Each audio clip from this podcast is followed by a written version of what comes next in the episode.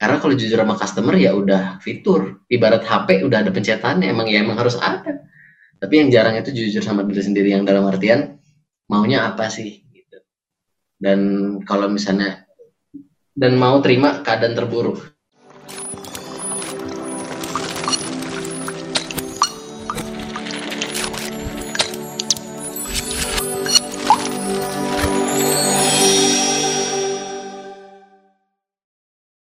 olahraga di pandemi ini itu tentunya baik untuk kesehatan kita. Di sisi lain, kalau misalkan kita melakukan olahraga secara rutin, itu bisa memberikan dampak kepada imun tubuh kita. Biar apa? Biar kita tahan terhadap bantingan atau virus-virus di luar sana. Nah, di episode sebelumnya uh, gue sempat ngobrol uh, sama beberapa teman gue dari Fortis yang kita ngebahas tentang olahraga kalistenik. Kalistenik itu apa sih? Kalistenik secara simpel adalah olahraga yang menggunakan bobot tubuh kita sendiri dan olahraga itu bisa dilakukan di rumah. Jadi lo bisa push up, lo bisa apa selama lo tahu tekniknya, lo bisa melakukan gerakan itu semua di rumah. Nah, gue juga yakin dengan olahraga yang tepat, maksud gue dengan menggunakan sportswear dalam olahraga yang tepat itu bisa mendukung olahraga lo agak lebih maksimal. Contoh nih kayak misalkan lo olahraga lari, ada baju lari. Lo olahraga sepeda, ada baju sepeda. Lo mau berenang, ada baju berenang. Gimana pertanyaannya kalau buat hijabers? Gue yakin hijabers itu kurang nyaman menggunakan pakaiannya apabila digunakan untuk berolahraga. Ya kita tahu lah ya yang namanya baju olahraga itu desainnya seksi-seksi dan tidak menutup aurat yang namanya hijabers itu kan harus menutupi lekukan tubuh dan menutupi aurat.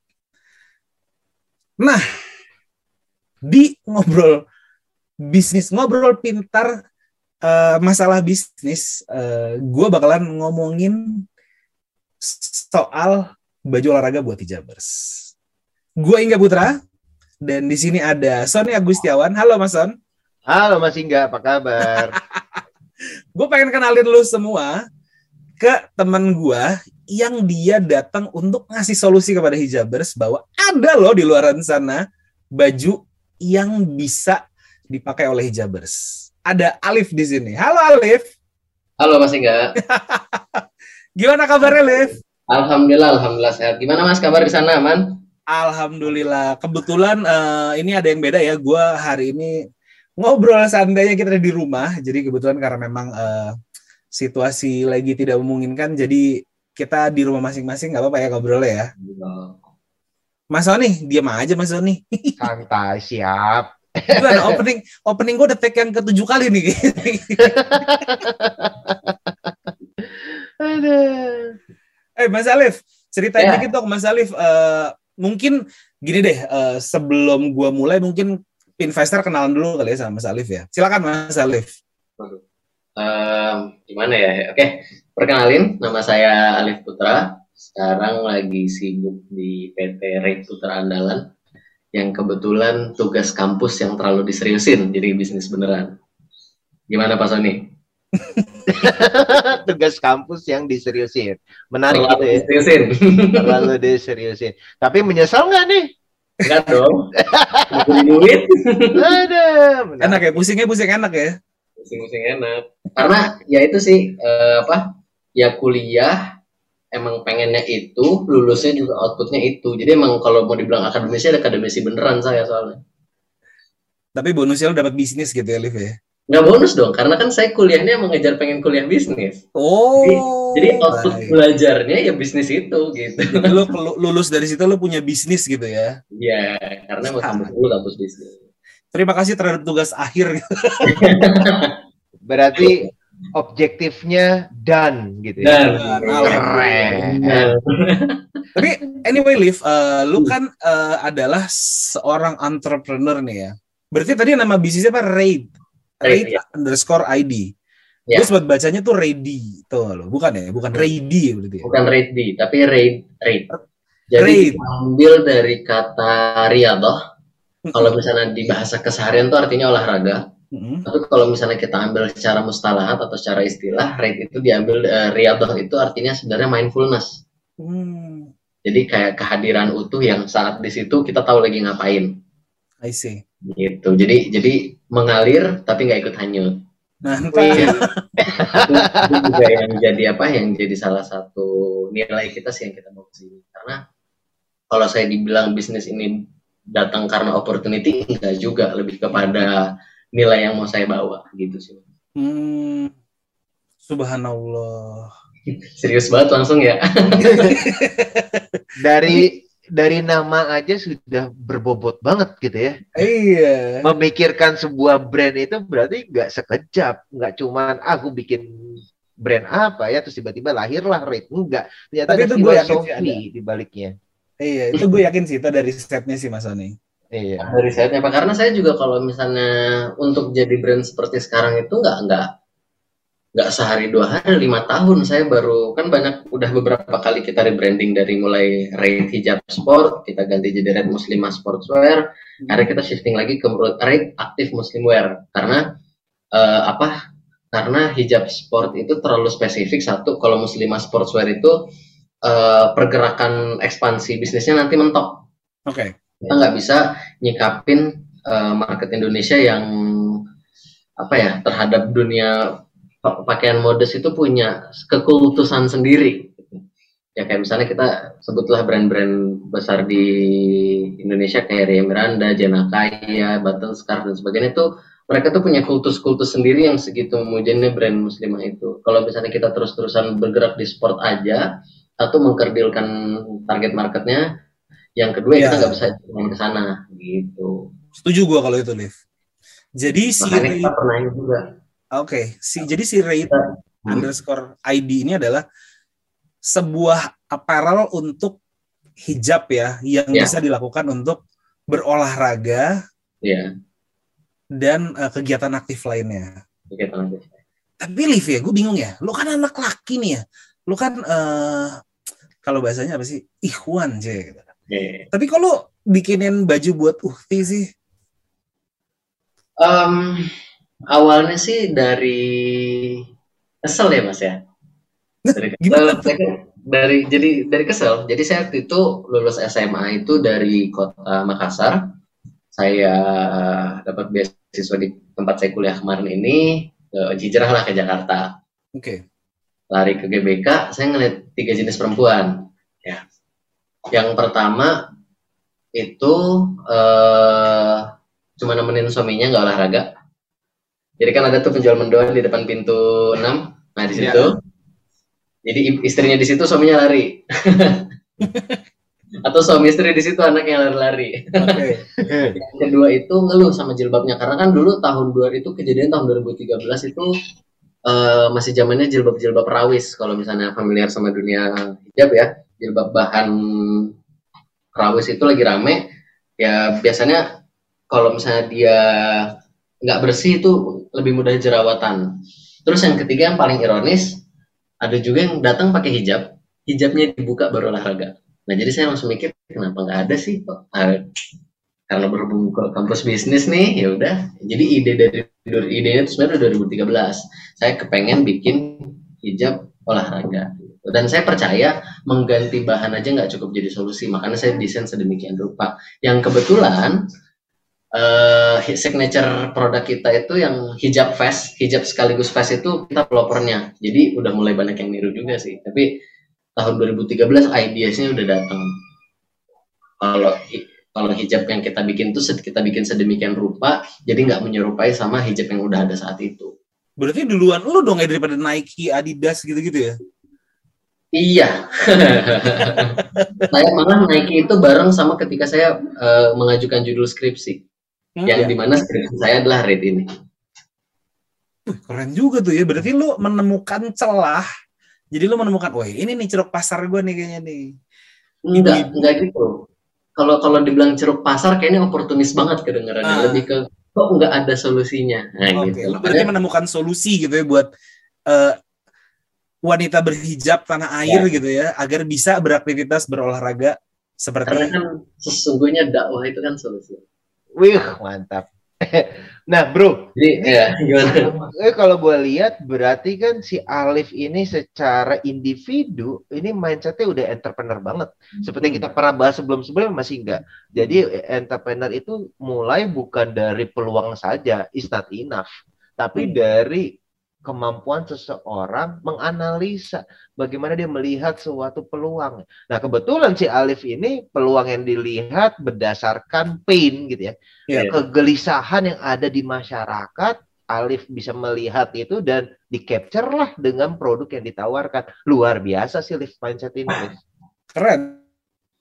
Sama ini juga sih Pak. Ini kalau misalnya dari personal ya, dari saya Mhm. pribadi. eh, niatnya itu sebenarnya berawal dari dakwah tanpa menggurui. Jadi nggak bohong saya laki-laki bilang perempuan harus menggunakan hijab dalam keadaan apa pun. Ya udah, saya mengkhususkan dong untuk olahraga, saya tawarkan solusi. Jadi nggak harus ditunjuk-tunjuk mana yang salah. Gitu. Jadi kita buat aja solusinya, gitu Pak. Kalau kita bicara tadi eh, khusus untuk para wanita muslimah agar bisa olahraga dengan nyaman. Tapi gini, Liv, kalau kita lihat saat ini ya, beberapa tahun terakhir khususnya di 2020-2021 ini modest fashion itu sedang sangat tren gitu ya. Bahkan modest fashion itu tidak hanya di Indonesia. Kita lihat di eh, eh, Milan Fashion Show itu juga sudah ada fashion show modest gitu.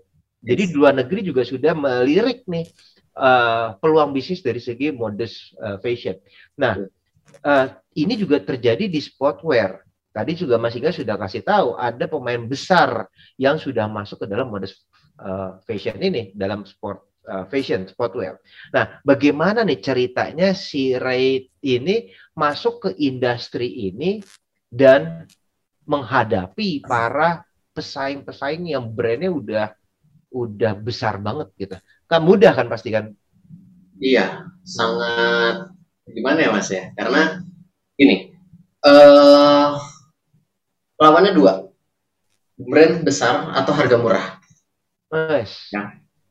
Eh kalau brand besar itu ya ya kita sebut Nike, Adidas sudah masuk, Reebok udah ada, Under Armour juga udah main. Tapi Under Armour nggak belum eh, eh, yang baru menjadikan campaign besar itu baru Nike. Adidas itu cuman kayak jadi ada, udah ada produknya gitu. Eh baru lawan selanjutnya adalah barang murah yang di mana mereka bisa jual lebih murah daripada harga produksi kita dulu. Jadi kayak itu juga eh, pangsanya di salah satu e-commerce yang yang itu yang Yang warna yang warna-warna oranye itu atau warna hijau gitu ya. Nah itu tahu tuh kayaknya tuh. nah itu itu itu juga jadi saingan kita banget karena eh harga yang saya patok untuk produk saya itu cuma satu level di bawah Nike dan Adidas. Eh apa jadi selama lima tahun itu saya cuma ngebangun brand, ngebangun branding, ngebangun branding. Makanya kenapa shifting? Karena saya lagi pengen masuk justru ke circle-nya penikmat-penikmat modest fashion, bukan penikmat sport Oke. itu dua makhluk yang berbeda. Yang satu eh, menjadikan olahraga sebagai profesi atau goals, yang satu menjadikan olahraga sebagai lifestyle ya udah ikut-ikutan. Nah, di situ kan punya punya behavior yang sangat berbeda. Makanya kenapa kemarin salah satu gerakan kita itu tahun 2019 akhir itu kita kolaborasi sama salah satu brand modest besar di Indonesia.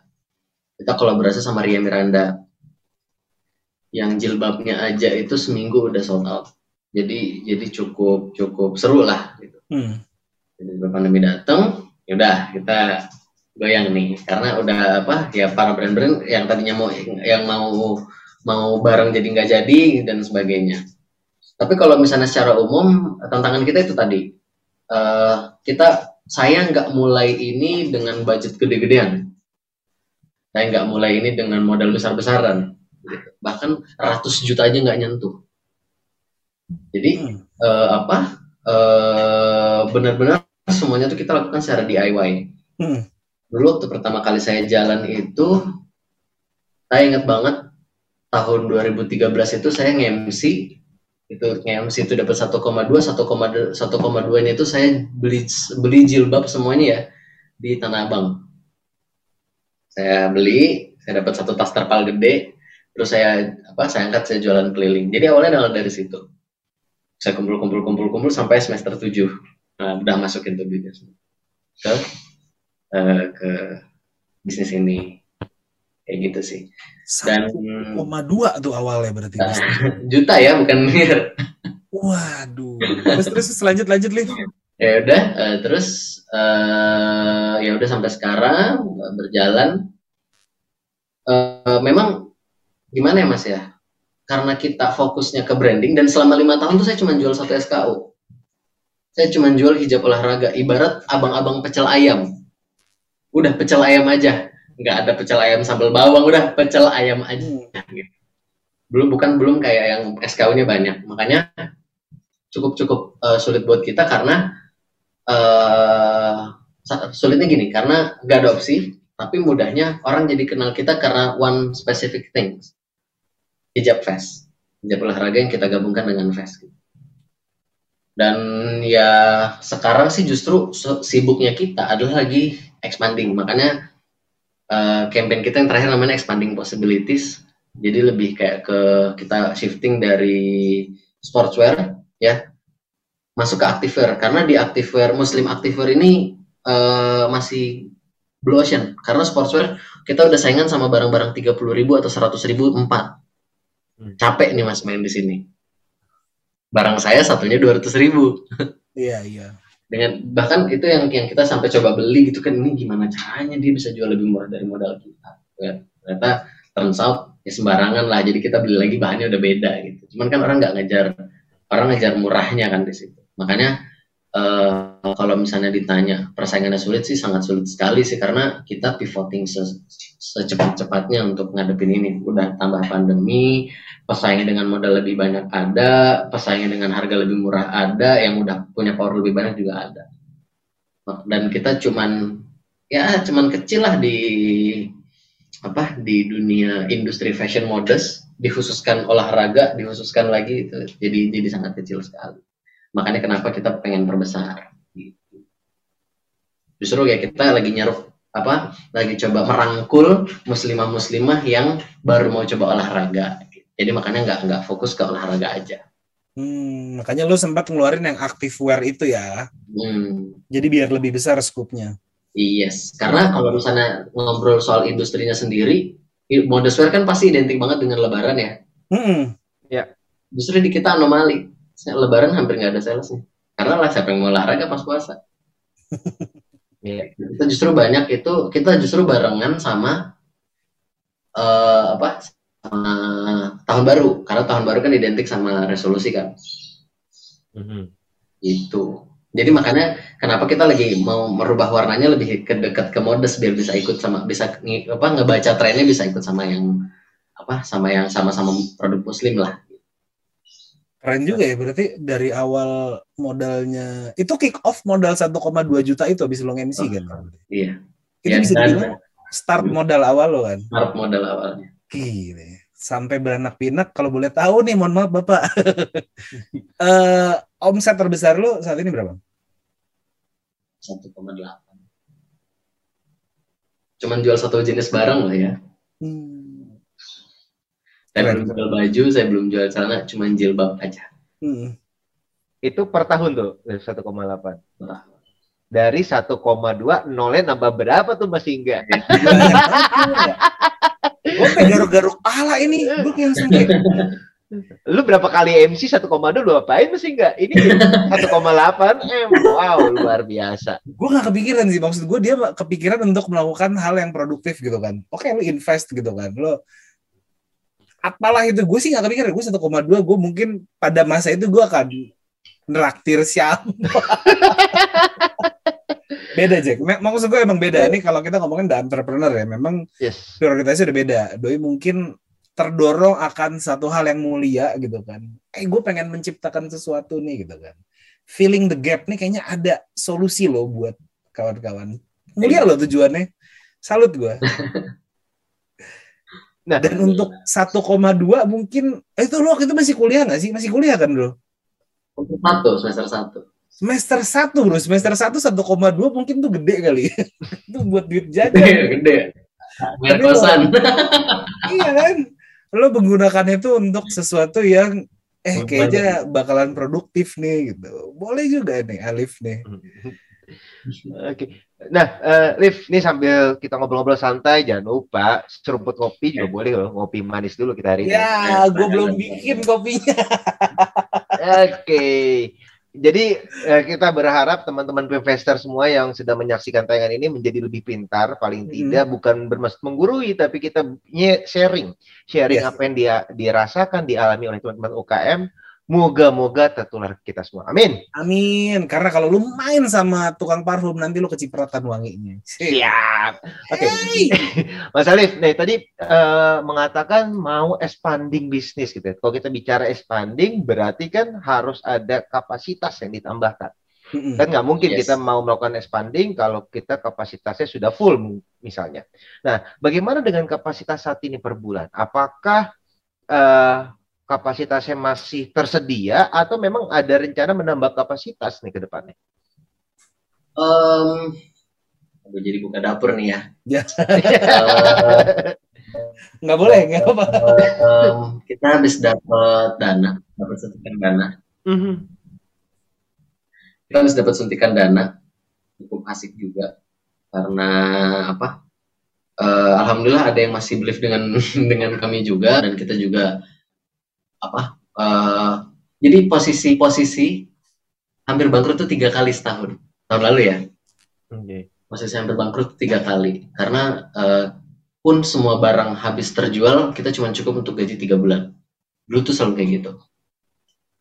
Tiba-tiba ada suntikan dana lumayan besar ya udah kita mau melakukan hal-hal yang nggak pernah kita lakukan. Yang katanya seharusnya semua bisnis sudah lakukan. Gitu Jadi ibarat jatuhnya sih lebih ke kickstart lagi lah lebih ke kick off lagi sebenarnya karena kita mau masuk ke SKU baru kita mau masuk ke market baru eh, dan memperkuat apa yang udah kita punya sekarang. Jadi dulu tuh gini mas, Eh, semuanya DIY banget Hmm. karena eh, uang saya hanya untuk produksi aja. Jadi no such thing as ya bisnis bisnis sekarang kan pasti ada bakar-bakar duit untuk marketing. Ya. Terus ya itu itu yang kita nggak pernah lakukan. Nah di mana eh, dengan eh, ekspansi itu juga karena mindsetnya udah biasa survival ya kita juga harus shifting mindset sih. Lebih ke expanding itu juga satu logika yang berbeda lah dalam berbisnis. Tapi kalau misalnya ditanya marketnya sih sebenarnya market kita udah sampai luar negeri mas. Cuman yang nggak ke yang tidak terdukung di sana itu supporting marketing kita untuk seller-seller di sana untuk partner-partner di sana. Yang di mana sekarang itu kita justru mau investing ke situ. Ya jadi ada dua lah main main apa main objektifnya dengan suntikan dana ini. Yang pertama itu untuk nambah SKU yang kedua untuk marketing uh, efisien dan efektif mungkin. Yang di mana harapannya kita bisa ngebuka ngebuka channel bisa wah, memperkenalkan brand kita ke partner terus memperkuat juga awareness kita ke publik gitu sih gitu mas Oke, nah uh, tadi kalau dengar ceritanya kayaknya enak banget ya dapat investor, bisa dapat suntikan dana, bisa expanding marketing, bisa expanding SKU dan lain sebagainya. Tapi itu kalau kita bicara cerita sukses, cerita enak.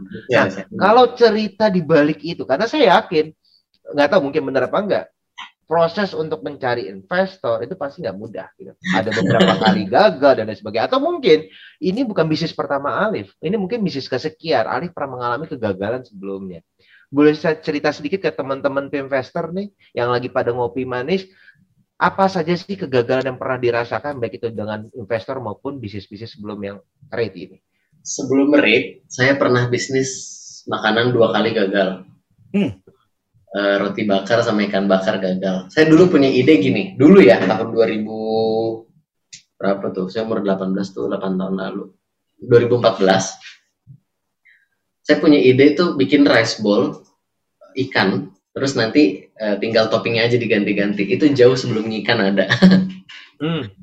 ya nggak uh, jadi apa bukan nggak jadi sih jadi saya karena pulang kuliah langsung jaga warung sampai sakit tipes mimisan udah ada semua orang yang jenguk tuh bilang lift kuliah dulu berbisnis jadi udah itu satu Jadi dulu saya buka ikan bakar sama roti bakar itu yang ngebiayain jalannya bisnis ini. Ini nggak menghasilkan ya ngebiayain jalannya bisnis ini justru jualan jilbab saya waktu itu yang saya ceritain itu. Jadi kayak ya ya udah bisnisnya jalan aja tapi saya nggak dapat apa-apa. Karena sok pinter kali ya, maksudnya baru bisa satu, udah langsung udah langsung taruh lagi deh di bisnis lain, bisnis lain bisa kok bisa kok bisa. Ternyata nggak gitu. Karena uh, daripada saya kalau kata Bruce Lee daripada saya belajar seribu tendangan Mending. tapi dilatih sekali mendingan saya latih satu tendangan seribu kali makanya akhirnya saya memutuskan setelah sakit itu setelah tipes sudah deh saya fokus kuliah dulu baru mau fokus sepenuhnya ke rate kalau misalnya untuk masalah itu kegagalan ya jadi udah tiga kali gagal terus saya juga ketika lulus itu harus meyakinkan orang tua harus mau bisnis nggak mau kerja mm-hmm. yang mau kerja kantoran. Uh, itu juga cukup panjang per, uh, prosesnya. Cuman emang lebih ke salah satu hal yang yang jarang dilakukan sama entrepreneur sekarang itu menurut saya ya, jujur sama dirinya sendiri dulu. Jangan jujur sama customer dulu karena kalau jujur sama customer ya udah fitur. Ibarat HP udah ada pencetannya. Emang ya emang harus ada. Tapi yang jarang itu jujur sama diri sendiri. Yang dalam artian maunya apa sih dan kalau misalnya dan mau terima keadaan terburuk. Uh, kalau misalnya nggak bisa what's next gitu. itu yang yang menurut saya sih cukup jarang ya sekarang. Yang di angkatan saya aja itu cuman berapa sih bisnis yang jalan beneran kan? In the end mereka juga kerja. Atau kerja dulu baru punya bisnis baru kejawab lah kalau misalnya kegagalan nyari investor saya dulu diperkenalkan investor pertama itu dari acara kampus Mas Sony mungkin Mas ya. Sony tahu lah iya apa namanya Liv? Hah? Apa nama investornya? Ntar tiba-tiba dijemput mobil saya. Oke. Okay. Jadi uh, apa? Uh, itu suntikan dana juga nggak terlalu besar. Saya sampai datang ke kampus nanya-nanya ke dosen-dosen saya, pendamping saya itu, apa bimbing saya waktu itu, Pak ini gimana? Oh, uh, saya dibeli apa? Persenannya itu bukan dari valuasi saya, tapi dari uang yang masuk aja nih. Ya udah, goalsnya apa? Mau punya bisnis atau mau jalan bisnisnya? Kan otomatis ketika saya dibeli itu kan langsung jadi mayoritas punya investor itu kan. Hmm. Jadi saya ya udah deh, saya mau bisnis ini jalan. Karena kalau misalnya saya mau mempertahankan ego saya nggak jalan-jalan di bisnis akan segini-segini terus. Uh, orang tua saya juga dukung. Uh, orang tua saya, saya lebih mikir bilang gini, kamu walaupun bisnis belajar kerja sama orang jadi itu sebenarnya value-nya karena kalau misalnya saya udah kebiasaan mulai pakai duit orang tua, entah saya gini, kalau gagal ah duit orang tua ini, itu yang saya nggak mau. Nggak berasa kehilangan ya? Nggak berasa kehilangan, yes. Makanya saya masuk, eh, berjalan beberapa tahun, akhir 2020 akhirnya saya memisahkan diri. Memisahkan diri itu karena udah beda arah, terus secara proses juga nggak nggak banyak inilah nggak banyak bantuan lah karena jatuhnya jadi kayak tiga tahun uh, saya butuh ini ini ini ini uh, yang di mana hampir 100% itu untuk produksi. Dulu kita kayak dianaktirikan lah. Bisnis-bisnis lain dapat satu m dapat berapa m gitu kan. Saya cuma minta ratusan juta. Ketika minta tolong lagi kok nggak dikasih gitu. Dan apa? Dan dan janji-janjinya banyak yang nggak nggak nggak terwujud lah. Gitu. Mm-hmm. udah keluar itu saya tuh selamat gara-gara jualan barang reject justru jadi ada barang reject yang kita nggak tahu mau diapain kita jual murah ternyata itu cepet banget jualannya akhirnya kita pindah tempat uh, uh, udah memisahkan diri lah kita bayar semua ininya kita kita apa kita udahlah udah kita bukannya kita nggak mau berurusan lagi ya cuman kayak kalau diperpanjang malah jadi berantem nih mendingan selesainya baik-baik gitu. Berapa saya bayar. Saya, saya sampai kayak gitu. Akhirnya kita jalan sendiri 2020 jadi untung uh, omset paling gede itu di 2019 keuntungannya itu tebel tuh. Keuntungan tebel tapi itu habis untuk nyelamatin saya selama dua tahun terakhir. Di 2020 sama 2021 sales hampir nggak ada gajian karyawan harus jalan terus ya kan? Um, akhirnya masuk 2021 kita lagi mau coba naikin lagi delta dan sebagainya dan dan dan, dan, dan sebagainya kita masih bertahan dengan jual satu jenis produk aja Hmm. uh, ternyata ada yang lihat uh, bisnis ini Mhm. Uh, kita ditawarin sama salah satu ex owner e-commerce besar di Indonesia Hmm. Nggak boleh ya. Ya. sebut saja AZ apa kan bis saya uh, di, di tapi dia nawarinnya di bawah payung bisnis istrinya Hmm.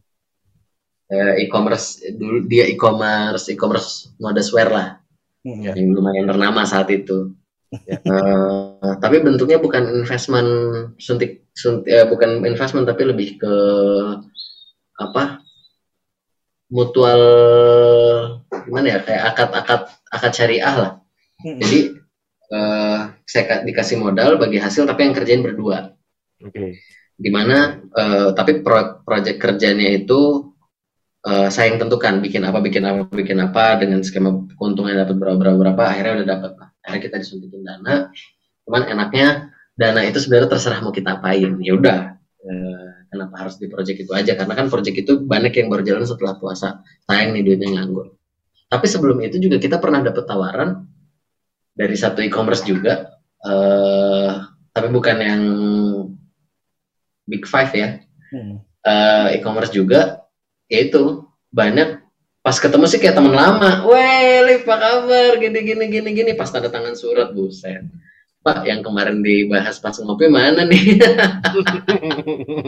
Ya kayak gitu kayak gitu sih. Makanya makanya eh, ketika kita anes kita jujur sama diri sendiri kita jadi tahu mau kita apa jadi kita nggak gampang dibego-begoin orang.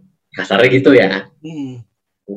karena kita tahu kita maunya apa dan kita kita sangat eh, apa sangat terbuka sama diri sendiri.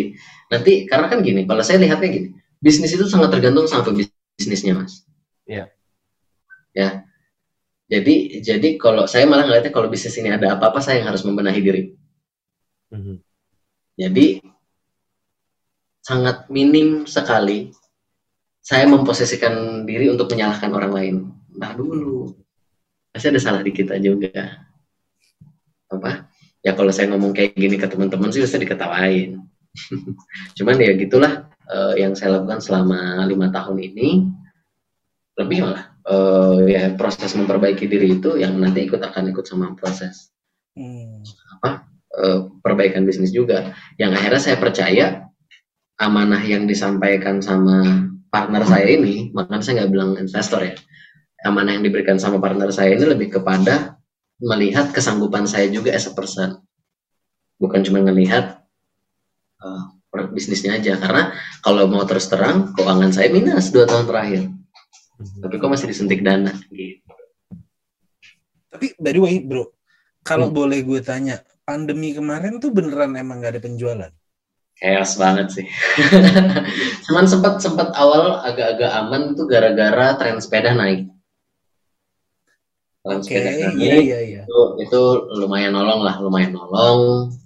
Eh, tapi toko-toko retail pada tutup karena logik logik orang tuh beli barang kita tuh masih logika offline. Lihat dulu barangnya, karena kan kita Hmm. bikin desain kan nggak sama sama jilbab yang ada sekarang. Jadi nggak ada referensi. Ya Iya. kalau enak kalau ngomong beli kemeja ya udah kemeja ke mana sih gitu lebih panjang ya udah cuma lebih panjang tapi kayak kemeja tapi kalau kita bikin hijab pas yang nggak ada referensinya kan orang belum ngebayangin itu gimana Menarik nih, jiwa offline. Gimana gimana tadi bilang jiwa offline, Liv? ya logikanya logika offline jadi kayak Lagi ke offline deh, gimana tuh? eh, orang harus lihat barangnya Hmm. gimana sih barangnya Hmm. gimana sih bahannya gimana sih ini kalau jualan legging orang udah punya gambaran legging itu seperti apa sudah ada referensinya Mhm. ketika brand saya lagi naik justru pandemi datang dan orang belum banyak yang tahu produknya itu seperti apa Hmm. gitu Karena Dengan- secara aktual produknya orang nggak bisa membayangkan. Nggak bisa membayangkan. Seperti apa sih gitu ya? Iya kan Pak, maksudnya gini loh, eh, saya nggak, saya aja sampai nyebut bukan hijab sport lagi karena kalau hijab sport orang referensinya ke produk lain. Iya betul betul. Makanya saya bilangnya hijab fast mhm, karena saya bikin hijab yang disekaligus kan dengan rompi. Nah, jadi mungkin Mas Inga juga mesti lihat-lihat dulu, pro, lihat dulu nih websitenya baru kebayang. Oh gini. Nah, tapi perempuan yang mau Gua pakai kebayang sih, gua kemarin udah lihat. Ya makanya mas. Jadi bentukannya hijab, terus lu panjang sampai bawah dan lu Iya. di samping gitu kan? Iya, ada yang ikat samping itu itu salah satu SKU kita sih. Ada yang ikat samping, ada yang enggak. Hmm. Dan itu juga makanya makanya itu yang jadi salah satu trik kita. Kita saya dulu selamat gara-gara ya DIY itu iklan seadanya apa dan sebagainya. Cuman sekarang udah nggak bisa nih. Dulu yang cuman rely sama foto, tiba-tiba internet berubah dengan adanya sosial media baru, itu kan? Yang harus ada video. Nah itu shiftingnya tuh harus cepet. Eh apa? Iya. Eh, karena itu tadi orang masih harus lihat barangnya. Makanya yang lucu, brand-brand besar kayak brand-brand besar modus, pas pandemi malah buka di Pondok Indah. Yes, betul. Karena pas orang udah mulai keluar, pada ke sana untuk lihat barangnya seperti apa. Nah, makanya kenapa kita lagi pengen ngejar ke situ. Kita lagi kolaborasi sama eh ya Ria Miranda kemarin itu salah satu yang gong juga. Nanti ada insya Allah habis Lebaran mau ada kolaborasi lagi dan ada beberapa brand yang lagi kita deketin. Yang di mana dia pemain-pemain besar di dunia modus ini. Gitu. Ya harapannya apa biar kita ngerangkulnya market yang tepat lah karena kalau sport masih masih maskulin sekali soalnya iya. dunia sport ya dunia olahraga Tapi menarik nih. eh, mulai balik lagi sejak ada olahraga. Jadi kalau gue boleh tahu nih ya, lo cie, ada cabang olahraga apa aja nih baju lo di Em, kita sih sebenarnya gue si hijab ini kan gimana? gimana mas sorry ke keputus tadi Oke nggak apa-apa. gue jadi gue penasaran aja nih. Jadi baju hijab lo nih ada yang buat swimwear kah? Ada yang buat cabang olahraga sepeda kah? Spesifik gitu? Em, kalau yang spesifik ada namanya red kayu kita emang bikin khusus untuk pesepeda jadi kita bukan hijab olahraga yang bisa dipakai sepeda tapi emang kita bikin hijab khusus pesepeda karena pesepeda itu kan ada harus ada fitur eh, keamanan yang lebih ya kita pasang stripe eh, pasang stripe apa reflektif di jilbabnya jadi kalau kesorot mobil dia nyala Hmm, oke. Eh, tapi kalau swimwear insya Allah habis lebaran kita baru develop. Tapi kalau olahraga terkhusus sebenarnya nggak ada. Makanya kenapa kita masuknya ke orang yang menjadikan olahraga itu sebagai yang sekali yang sebagai kebiasaan, bukan sebagai objektif. Kan beda tuh. Iya. Ibu-ibu yang ikut eh, rutin pound fit sama yoga, sama ibu-ibu yang olahraga pas car free day doang. Iya. Nah yang kita yang kita incar itu justru yang ibu-ibu car free day doang ini, yang banyak ini. Iya iya. Makanya kenapa kita shifting dari sportswear menjadi eh, apa eh, aktif muslimwear. Jadi ke, ke kegiatan olahraga masuk, kegiatan outdoor juga masuk. Mm, mm, mm. Gitu. Tapi kalau sekarang sih SKU-nya masih lebih ke eh, olahraga-olahraga yang sifatnya santai. Oke. Karena kalau saya pribadi sih justru testing produknya tuh ke saya sendiri.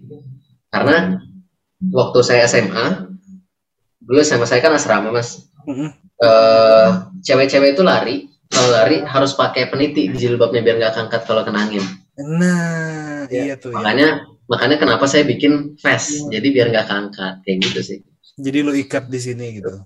bukan nggak harus jadi yang ikat itu cuma salah satu SKU doang mas tapi kita jahit di samping Oke.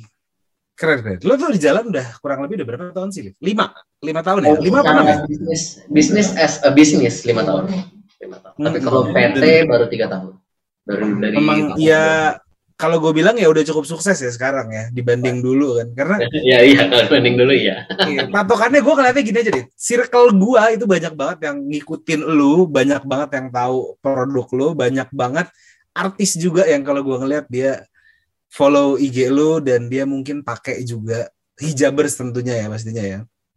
Nah, eh waktu lu ngerintis awal tuh susah gak sih? bro? Susahnya tuh gimana sih bro?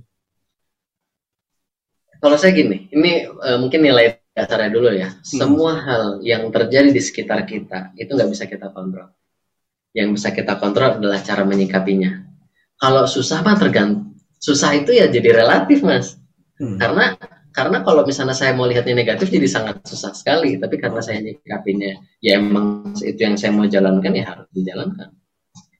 Eh, tapi gini, kalau ada teman saya tuh pernah uh, dia kerja di sebuah kementeri di salah satu kementerian duitnya banyak banget gajinya hmm. datang ke saya kak saya mau berhenti kerja saya mau bisnis hmm. lu yakin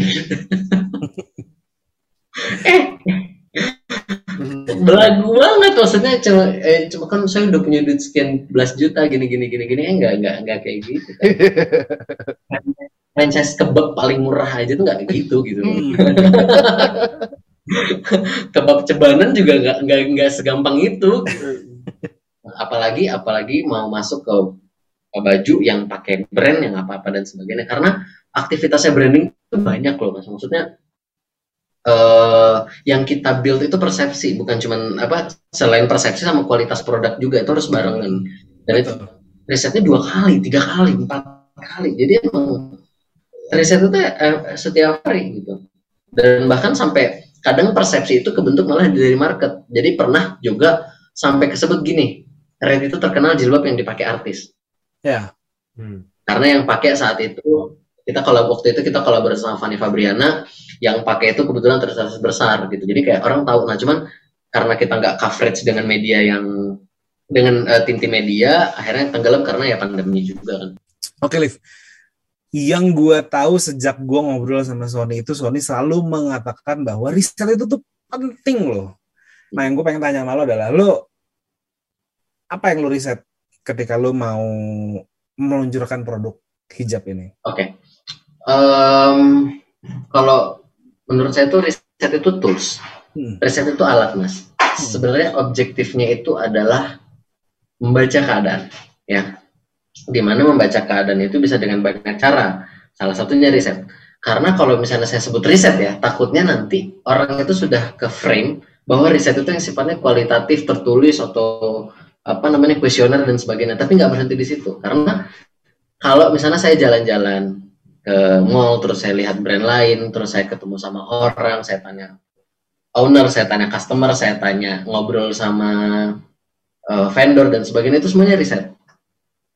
Sebenarnya justru yang yang menjadi penting itu bukan cuma riset mas tapi mau mendengar. Karena jangan sampai riset udah kita lakukan tapi si si pemilik bisnis masih dengan egonya enggak kok kayak enggak kayak gitu kok mau gue kan kayak gini. Justru yang pertama penting itu adalah satu baca dan mau dengar hmm. Yang kemudian kalau misalnya kita mau tahu ada apa lebih dalam lagi tulisnya adalah riset nah kalau misalnya yang saya lakukan sih justru ya mendengar lebih banyak terus jalan uh, ngobrol sama orang yang banyak-banyak, terus dengar juga ceritanya untuk sikapin apa dan sebagainya. Karena saya juga percaya saya bisa bertahan dua tahun pandemi ini juga karena ngobrol sama orang. Survive-nya gimana sih gitu? Uh, apa? Dan apa? Saya gini, ini ini mungkin agak-agak agak saya saya nggak sarankan tiru sih karena ini ini cara saya banget. Saya nggak orang yang bukan orang yang ikut-ikut seminar. Jadi saya lebih percaya sama orang-orang yang saya hmm. lihat, yang saya pertemui, gitu. atau minimal saya kenal lah. Karena ketika saya bicara sama orang yang saya kenal, objektifnya adalah ngasih tahu apa yang dia rasakan. Karena kan kalau seminar tuh, gue bikin event, ya, hmm. udah ada budgetnya, udah ada hitungan tamunya, udah ada hitungan ini, jadi takutnya ada beberapa hal yang nggak disampaikan secara menyeluruh gitu yang makanya ya apa makanya ngobrol sama orang tuh jadi enak. Bahkan sampai gimana sih e, caranya tetap jualan itu justru sama customer ke apa yang bisa kita bantu. Kita tanya partner bahkan apa yang bisa kita support apa yang kadang nggak ada gitu. Nggak harus selalu kayak kak harus gimana sih harus harus apa sih? Harus ini sih harus itu kan jatuhnya lebih kayak ke kita nyari tahu apa yang mau kita tahu sebenarnya. Iya. Nah itu yang yang apa jangan sampai riset itu justru Betul. begitu. Misalnya warna apa sih yang kalian suka? Itu kan ofensif sebenarnya riset yang ofensif karena saya memang mau bikin warna saya mau tahu warna apa yang mau dibikin. Tapi kalau ngedenger itu justru kita bisa ngedenger yang lebih banyak lagi. Menarik nih. Gitu sih mas. Menarik menarik menarik. Tapi riset uh, itu jadi tools diposisikan sebagai tools bukan sebagai objektif keren keren tapi kalau gue pengen tahu nih Levi lu lowest point lu tuh kemarin gimana sih, Liv? Kan tadi lu sempat cerita. Saya datang ke kantor sendiri nangis. 2000 berapa? 2020, 2021 tuh ya kan? Awal-awal PSBB masuk ke PPKM tuh gimana, Liv? Iya kita kan dari kita kan sering nih ya denger success story gitu ya. Gue cuma pengen tahu aja nih kayak orang tuh pasti ada lah lowest point itu kayak gimana? Ada. Lowest point saya itu saya datang ke kantor sendiri, cuma di depan laptop buka Excel, hitung-hitungan itu minus terus kayak ini saya harus gimana, ini saya harus gimana, apakah gini, apa gini, apa gini, ide, ini gini, gini, gini, gini, udah terus kayak udah nangis aja gitu kayak aduh gimana, gimana, gitu-gitu aja. Tapi nanti besok masuk kantor udah kerja lagi. um, itu ya kalau misalnya lowest point secara teknis ya itu secara personal kalau secara teknis itu pun semua barang terjual saya cuma bisa gajian dua bulan lagi nggak bisa bayar kontrakan nggak bisa bayar produksi lagi. Waduh itulah ya pengusaha ya. Kalau lagi sukses yeah. sukses kalau lagi apa sih ya begini ya. Karena kalau misalnya saya mau dibilang ini selama dua tahun pandemi kemarin itu saya nggak pernah gaji, terima gaji saya full. Sampai ya sekarang sih udah. Alhamdulillah. Jadi kalau dibilang nah kalau dibilang enak mah Ya tergantung. Semua yang terjadi di sekitar kita itu bukan kendali kita yang bisa kita kendalikan adalah cara nyikapinya. Ya saya dapatnya sedikit ya udah emang dapatnya sedikit. Gitu. Tapi nggak saya jadikan sebagai lowest point itu itu. Karena kalau misalnya mau hitung-hitungan saya pernah sampai ngambil dari kantor itu cuman cukup untuk bensin sama ganti oli bulan. Ya Allah, kasihan banget sih Liv, serius. sampai segitunya lu Liv. Sampai segitunya. Ya Allah, ini lah ya, investor nih sisi lainnya gitu. Enggak, jadi pengusaha tuh sebetulnya ada plus minusnya juga gitu loh. Nggak selamanya lo kelihatan tuh enak gitu kan. Cuman ya kalau lagi waktunya lo tiba-tiba nggak bisa mengontrol, bisa apa sih apes gitu. Kayak tadi Alif nggak bisa bayar kontrakan Alif ya? Ya nggak bisa, nggak bisa. Jadi emang bener-bener cuman ya udah, udah terakhir nih sampai saya malah pernah sampai ngobrol sama salah satu tim saya. Kayaknya udah nggak ini deh, udah nggak nggak ini deh Gak hidup lagi gitu ya? Iya. Udah udah oke. Okay. Lu sempat uh, kayak mengajukan penyesuaian gak sih? Eh bro, gaji lu ada penyesuaian? Enggak, enggak, itu saya haram banget itu. Oke. Okay. Boleh tahu nggak, Liv, alasannya gimana, Liv?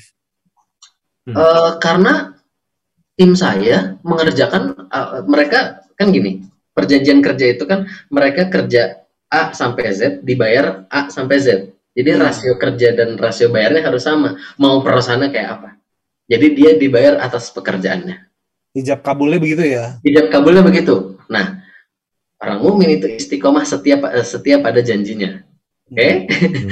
Jadi makanya ya kan kerjanya masih sama, kenapa dipotong? Iya, jadi dibanding lu motong gaji kawar karyawan lu mendingan gaji lu aja lu potong. Yang penting karyawan tuh sejahtera gitu ya. Iya.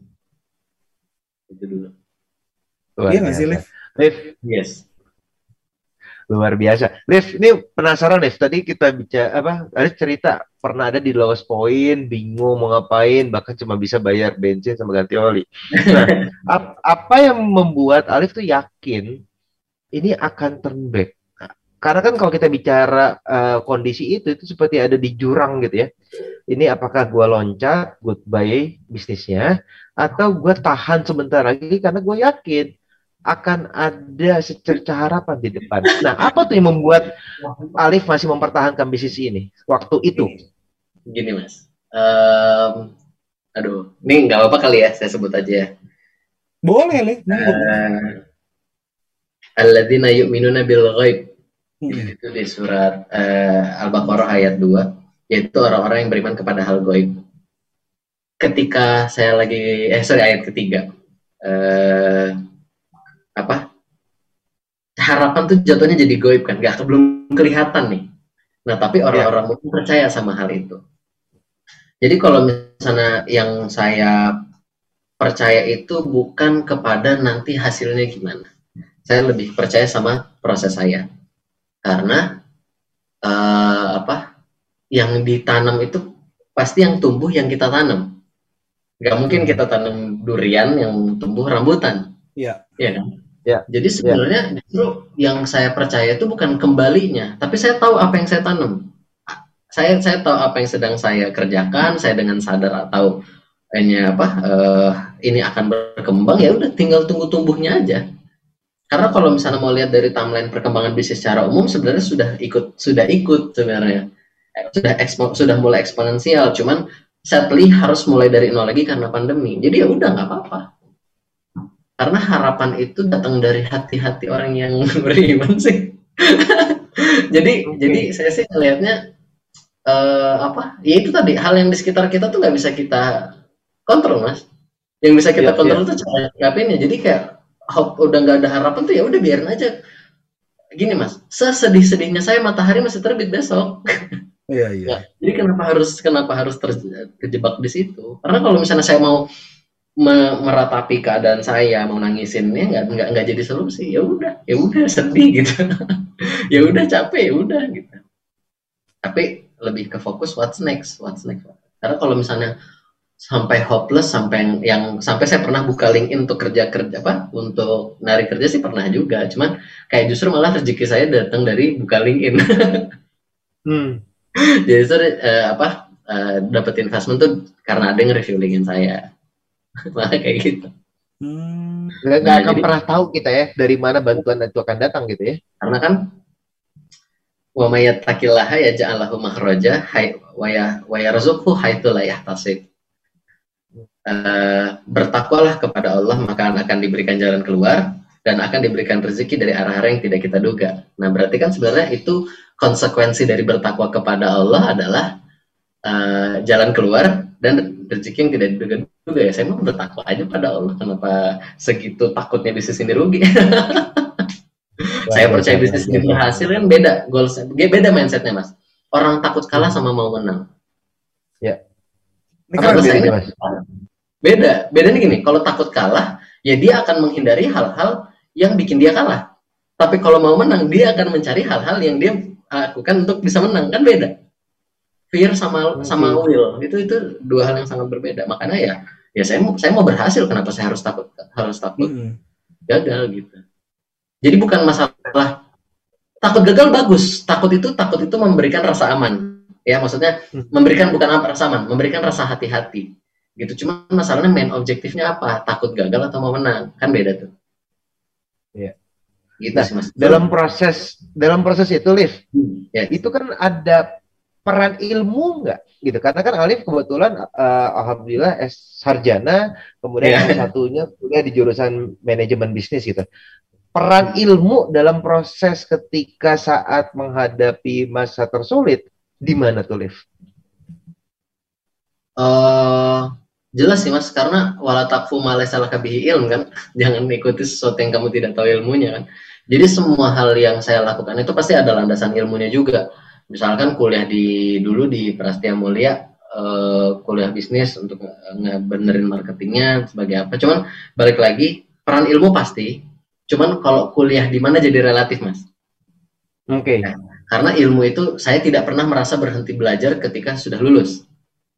Ya. Jadi belajar saya tidak berhenti karena kan saya lima tahun, saya kan lebih lama jalan bisnis ini daripada kuliah mas. jadi hmm. jadi belajarnya belajar terus justru. Yang bahkan ada ada dua S2, dua dua tesis yang uh, apa?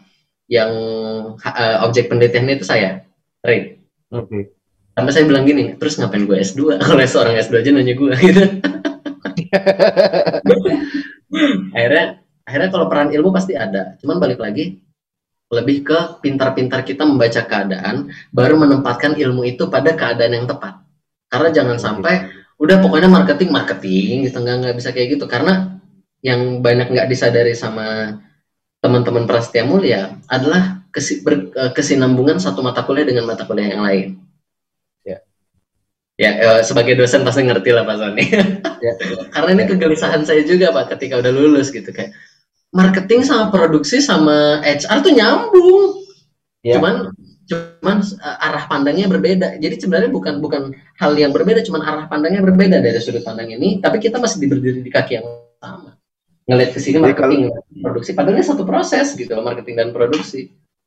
Kalau kalau bisa saya analogikan gitu ya, kalau kita melihat suatu bisnis tuh kayak kita melihat suatu kerbau di tengah sawah orang marketing melihat kerbau tuh dari depan, melihat mukanya. Orang yeah. HR melihatnya dari samping, melihat uh, apa namanya perutnya. Orang uh, keuangan mungkin melihatnya dari atas, ngeliat pundaknya. Tapi the same object sebenarnya. Gitu yeah, kan? Benar, ya? benar, benar. Kira-kira seperti itu. Dan entrepreneur ngelihat sawahnya, ngelihat langitnya, ngelihat airnya, ngelihat petaninya. lebih luas lagi, lebih wide lagi. lebih okay. luas lagi. Kayak gitu. Jadi ini mungkin Hmm, ini menarik buat teman-teman investor gitu ya. Jadi tadi seperti Alif katakan, ilmu itu bukan berarti harus kuliah gitu. Ilmu itu tidak satu-satunya didapatkan dari kuliah. Tapi yes. apa pun yang mau kita lakukan, kita harus punya ilmunya agar yang kita lakukan menjadi lebih tepat. Gitu, Liv ya. Betul. Nggak masalah ilmunya dari mana, yang penting harus gali dan cari ilmunya. Very uh, apa namanya uh, feedback yang sangat baik pada yang kita dapatkan hari ini dari Alif. Luar biasa ya intinya sih kalau kita jujur sama diri sendiri kita jadi tahu mau apa belajar apa tuh kita jadi terbuka. Jadi dari siapa aja gitu. Bahkan saya sampai ngasih contoh uh, saya pernah sampai ngobrol sama yang pernah magang di sini. Saya beli telur gulung. Jadi abang telur gulungnya itu udah tahu urutan habis kerjaan ini kerjaan ini apa supaya lebih cepat. Saya bilang itu abang itu secara enggak sadar udah ngejalanin ini loh, udah ngejalanin bottleneck loh. Gitu. Yeah. Hmm. Jadi jadi nggak boleh oh gara-gara saya kuliah di kampus Mentereng bayar mahal saya jadi yang paling tahu oh enggak ada yang ada yang ada yang living living that theory gitu loh bukan cuma teori lagi dia hidup dari situ bahkan makanya teman saya kalau misalnya uh, kalau saya pulang ke Makassar saya cerita-cerita sama sepupu soal bisnis ya kamu lihat penjual gorengan di depan mbak itu jangan kamu tiru karena dia 10 tahun udah nge ngejalanin itu doang makanya dia ngerti. Ya kalau kamu udah sehari berharap mau seperti mbak itu ya susah lah. Iya. Makanya yang penting sih lebih ke kepada sikapnya kita sikapnya kita terhadap hal eksternal itu sih mas. Kalau emang kita mau belajar ilmu yang datang kok. Wow. Wow. Tapi, lo pernah gak sih Liv lo misalkan lo gue lebih penasaran produksi ya gitu karena belum hmm. lama gue sempat baca nih ya ada salah satu produk Nike ini kita ngomongin Nike deh gitu kan oke okay. uh, eh, hijab produknya hijab tapi dikomplain gitu loh dapat komplainan dari salah satu selebgram di Amerika yang hijab gitu. yang berhijab oh gak enak nih bajunya ini rambut gue jadi berantakan bla bla bla bla bla gitu. tapi lo pernah gak sih Liv dapat komplain gitu selama lo ini um, karena saya bentuk produknya dari permasalahan perempuan ya pasti saya pikirin itunya dulu sebelum jadi produknya. Jadi sampai saya pikirin kenapa ininya dua, kenapa petnya begitu, kenapa tidak dikasih dalam di apa tidak dikasih isian petnya, kenapa bentuknya panjang lehernya segini, kenapa tidak sekaligus langsung jadi satu jilbab itu karena saya dipikirin semua mas. Jadi apa uh, risetnya itu bukan looks good dulu, jadi adik kebetulan adik saya itu fashion designer, tapi the main idea of the product itu dari saya. Saya tanya ke, saya coba yang gemuk, yang kurus, yang kepalanya kecil, yang kepalanya besar, yang olahraganya bolak-balik, yang olahraganya jalan doang, yang berenang itu. Akhirnya jadi satu formula yang kemudian saya bawa ke adik saya yang fashion designer dibenerin, dihalusin, di ini, dibenerin ininya, ini, dan sebagainya. Hmm. Justru kayak kita emang udah bikin jilbab kita itu untuk nyaman dipakai di uh, kepala apa ada ikat ada ikat rambut yang Nike nggak pikirin. Makanya Nike kan bikin cuttingannya gini kan lurus. Jadi dia kalau orang Indonesia pakai diikat ada ikat rambut di sini langsung berantakan rambutnya atau langsung oh. tarik aja gini. Kenapa kita juga bentuk lehernya garis begini ya biar dia nggak kecekek. Jadi jadi bentuknya itu antem, anti tembem. Hmm. Itu istilah di hijab. karena uh, apa? Karena uh, gini. Gue serius tuh tadi antem gitu kan. Iya benar namanya anti tembem. Benar mas itu itu istilah itu, itu istilah yang dipakai kita sekarang. Iya. Jadi uh, karena uh, Nike bagus karena yang pakai bule, mukanya panjang. Jadi dikasih okay. jilbab yang bulat ya bagus. Ya kalau orang Indonesia mukanya bulat-bulat gimana? Iya. Antem ya. Tembem. Bisa. Jadi emang, emang kita jadi riset itu riset itu justru dalam pengembangan produknya juga. Nah, cuman yang kita masih lakukan kita masih crafting sedemikian rupa supaya satu produk ini benar-benar matang ya lima tahun itu saya cuma ngejualan satu produk ini doang makanya ketika ekspansi setidaknya saya start dari udah punya udah punya apa wadah yang cukup mumpuni lah untuk bisa nampung yang lebih besar lagi gitu. hmm. yang setidaknya lumayan lah kita dikenal sebagai hijab yang dipakai artis-artis hmm. Aurel pakai uh, siapa oh, iya. Tantri banyak bro, gue kemarin ngeliat di Instagramnya buset, ini artis-artis nih yang pada ngikut nih. Circle gue aja pada ini pada follow gue ngeliat, wih ini circle gue semua nih yang hijab pada follow. Nah tapi Liv, keunggulan dari barang lu sendiri tuh apa aja sih Liv? Kalau yang lu menurut lu nih ya, yang tiba-tiba itu bisa jadi selling point lo? Saya ingat banget yang jadi keunggulan saya ini sebenarnya tantangan dari salah satu juri ketika saya jadi mahasiswa di Prasmo. Mm. Disuruh bikin bahan sendiri. Jadi saya bikin Bukan gue kan? bukan bukan. Eh, Bu Penny, Bu Penny itu, Pak.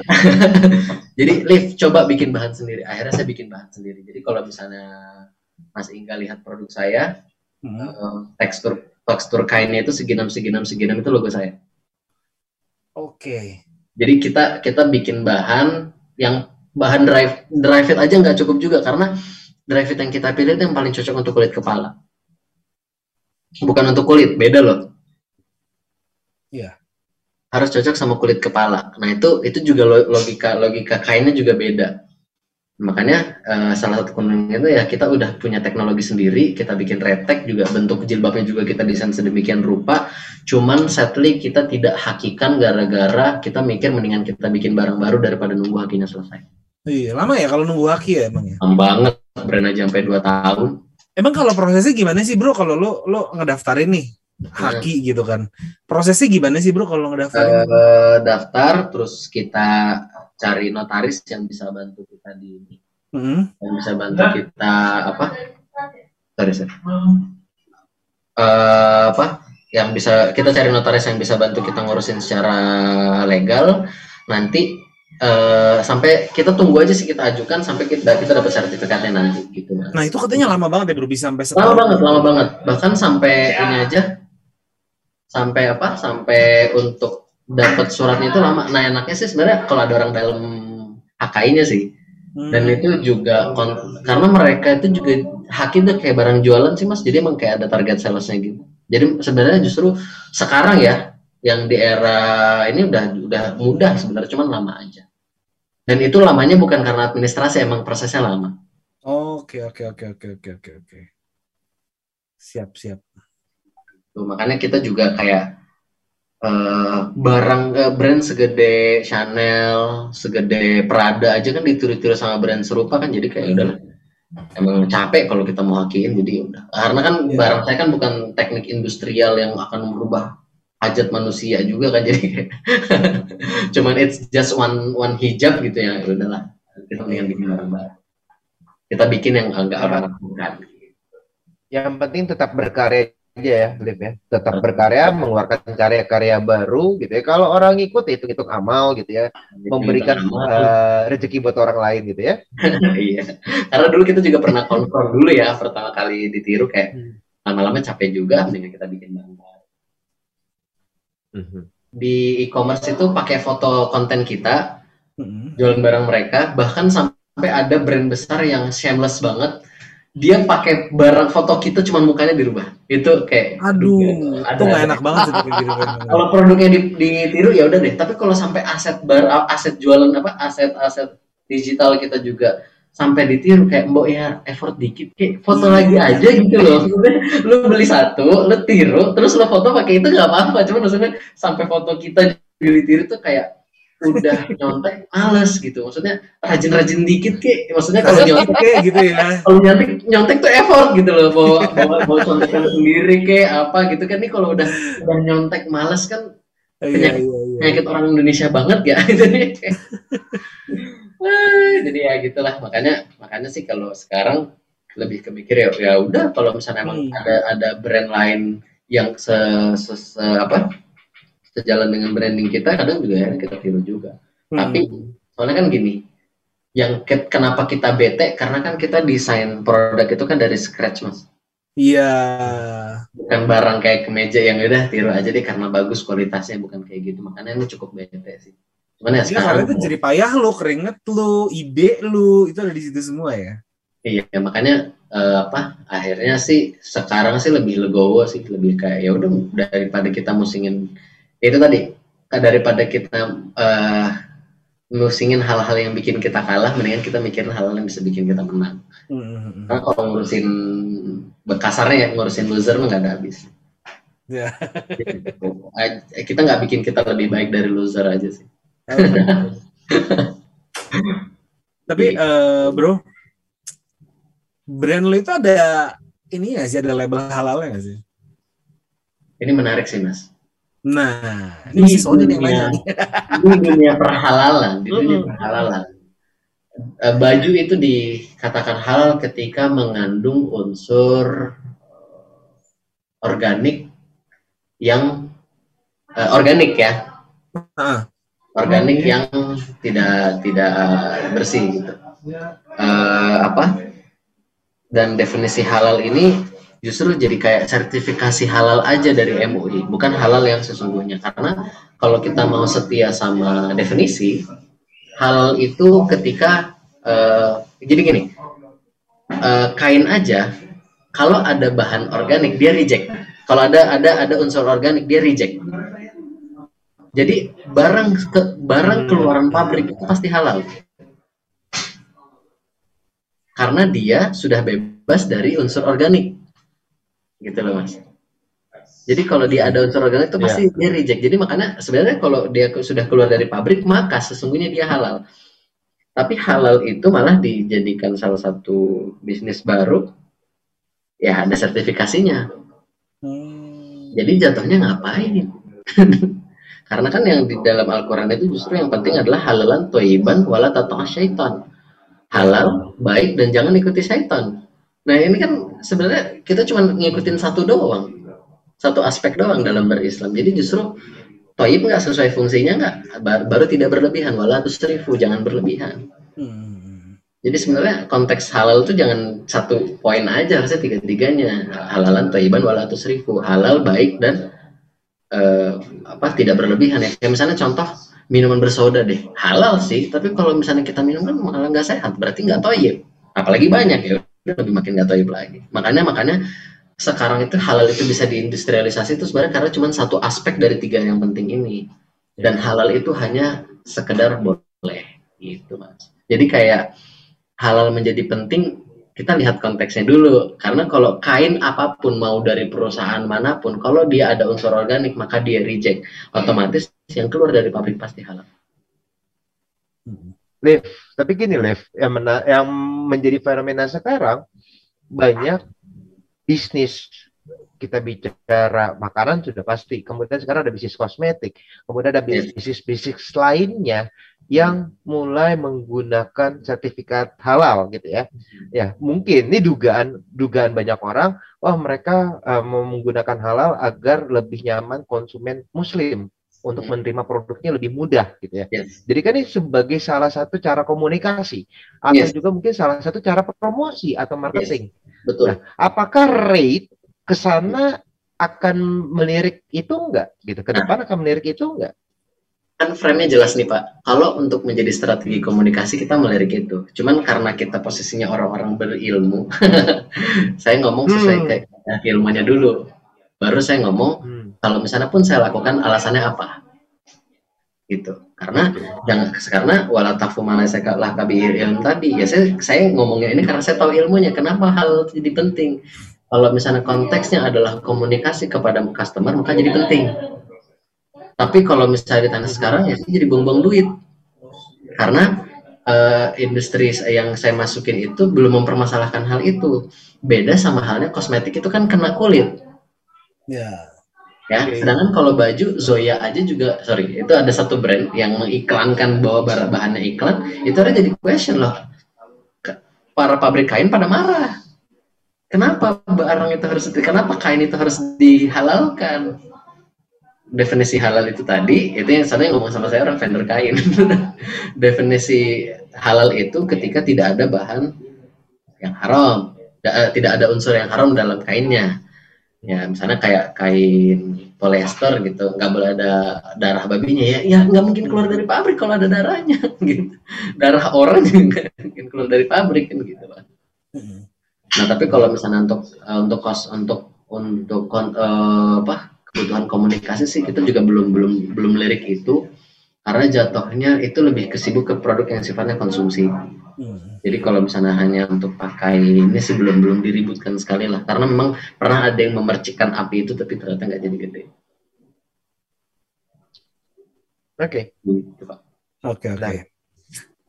Lo terjun ini ya, lo lo, lo dalam berbisnis ini lo terjun nggak sih ke dalam satu komunitas atau lo punya komunitas nggak sih komunitas hijab mungkin?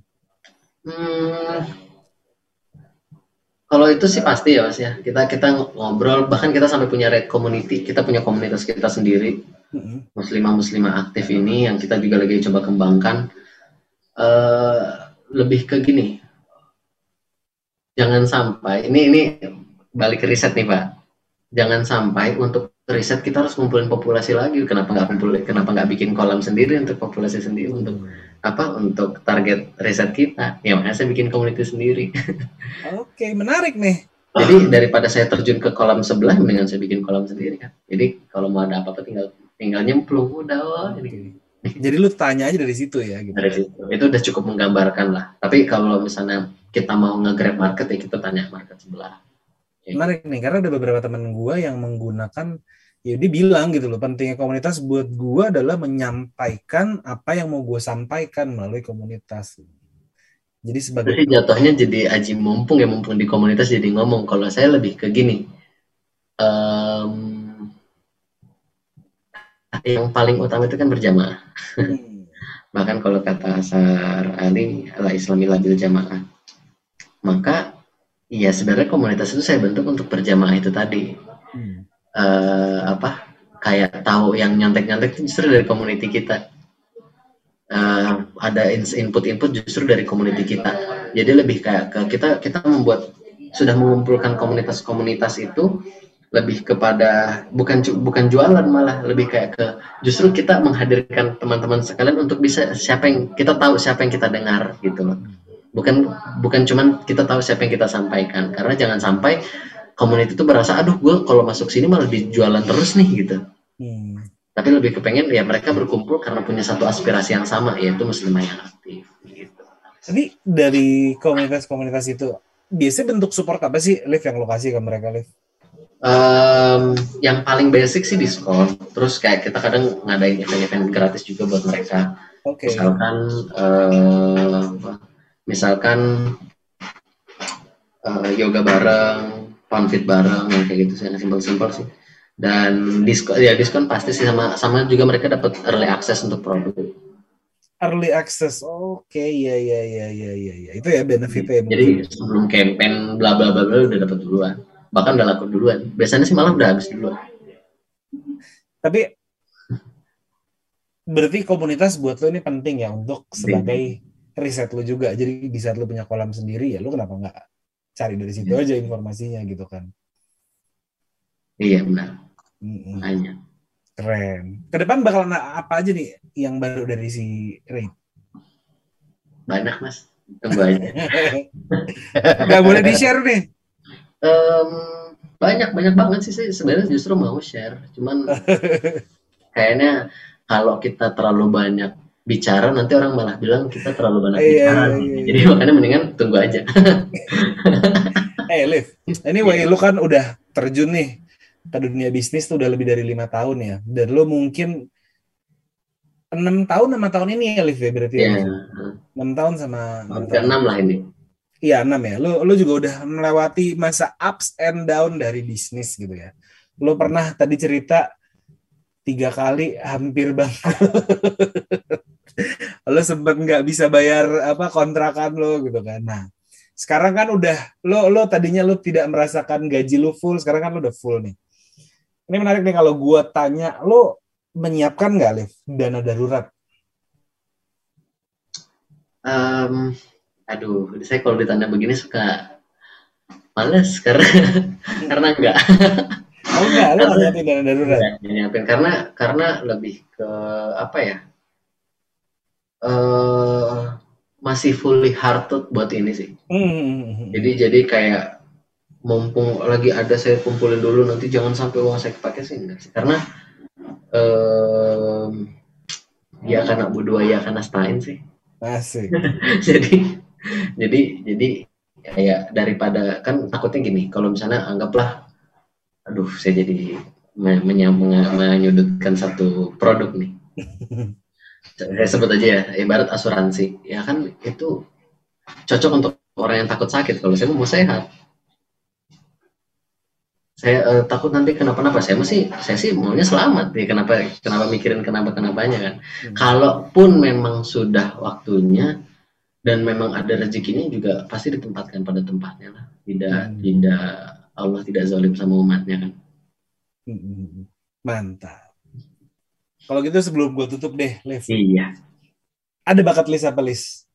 Eh, ada bucket list apa Liv namanya? Ada bucket list apa Liv? Yang belum kesampaian.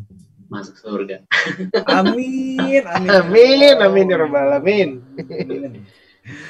Eh, Naik haji? mau eh, Hmm. kalau untuk personal sekali ya masuk surga sih karena naik haji itu cuma step bukan goals Oke. Kalau untuk bisnis Liv? Hmm. Apa ya? Salah satu bucket list yang udah masuk sih saya masuk GI, udah masuk GI. Wih, dipakai artis, keren. artis, jadi ya udah tinggal diterusin. Mantap. Di follow artis udah ya. Circle gue juga banyak yang follow lu. Kolaborasi sama artis sudah tiga kali. Waduh. Terus sana aja. Yang penting jalan terus aja. Yang penting istiqomah ya, Liv ya. Pokoknya thank you banget Alif udah ngeluangin waktunya Masih buat kita. Mas Sony, thank you. Gua doain uh, mudah-mudahan uh, rate ini sukses terus. Amin, amin ya Rabbi. Bisa punya cabang di Mall Jakarta Selatan, Jakarta Utara, Jakarta Barat, Amin. Jakarta Pusat udah ya, pusat udah. Pusat udah dan bisa merambah ke seluruh kota di tanah air. Amin. Amin. Amin. Mudah-mudahan juga Alif tetap istiqomah, sukses, Mas Sony juga tetap sehat selalu.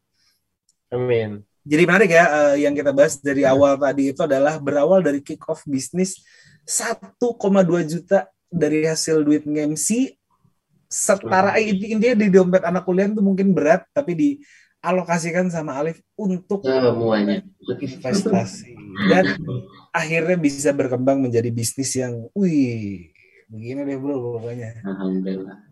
Pokoknya buat investor, kalau penasaran sama cerita-cerita lucu kita, cerita-cerita menarik, ngobrol pintar masalah bisnis bersama narasumber yang pastinya bisa memberikan inspirasi dan menambah wawasan, pantengin terus ngopi manis setiap hari Jumat. Kalau gitu kita langsung pamit aja. Gua Ingga Putra. Gua Sonia Gustiawan. Alif Putra. Sampai jumpa di Pikes Ngopi Manis selanjutnya. Sehat-sehat semuanya, jaga prokes. Assalamualaikum warahmatullahi wabarakatuh. Waalaikumsalam. Dadah.